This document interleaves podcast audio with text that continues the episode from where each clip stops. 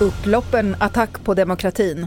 Träff med blåljuspersonal ska hålla ungdomar borta från brott och globalt toppmöte om pandemin. Det är rubrikerna i TV4-nyheterna. Ja, polisen har identifierat kända kriminella i de senaste dagarnas upplopp och det finns också tecken på att uppmaningar om våld kommit från utlandet. Rikspolischef Anders Thornberg säger att det är synnerligen allvarliga brott som har riktats mot vårt samhälle. Det här har ingenting med protester att göra utan det är ett oförsvarligt angrepp mot vårt rättssamhälle och vår demokrati. Det här är mycket oroväckande och vi tar till, kommer att ta till kraftfulla motåtgärder. Det här ska inte fortsätta, det ska slås tillbaka. Och för att förebygga skjutningar och attacker mot blåljuspersonal så bjuder polis och räddningstjänst på Hisingen i Göteborg in åttondeklassare i området för att skapa en relation. Vi hör eleven Mohammed Saman från Santosskolan och Modi Ibrahim på räddningstjänsten.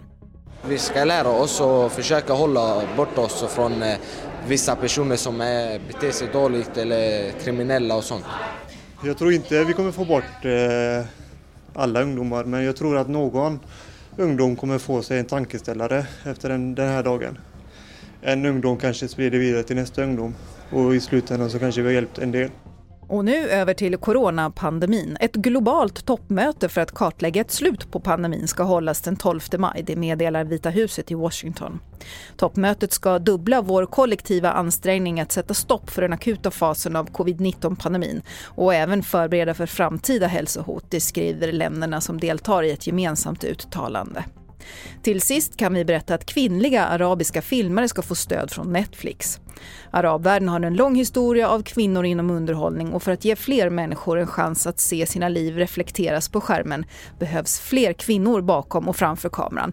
Det säger Netflix-chefen.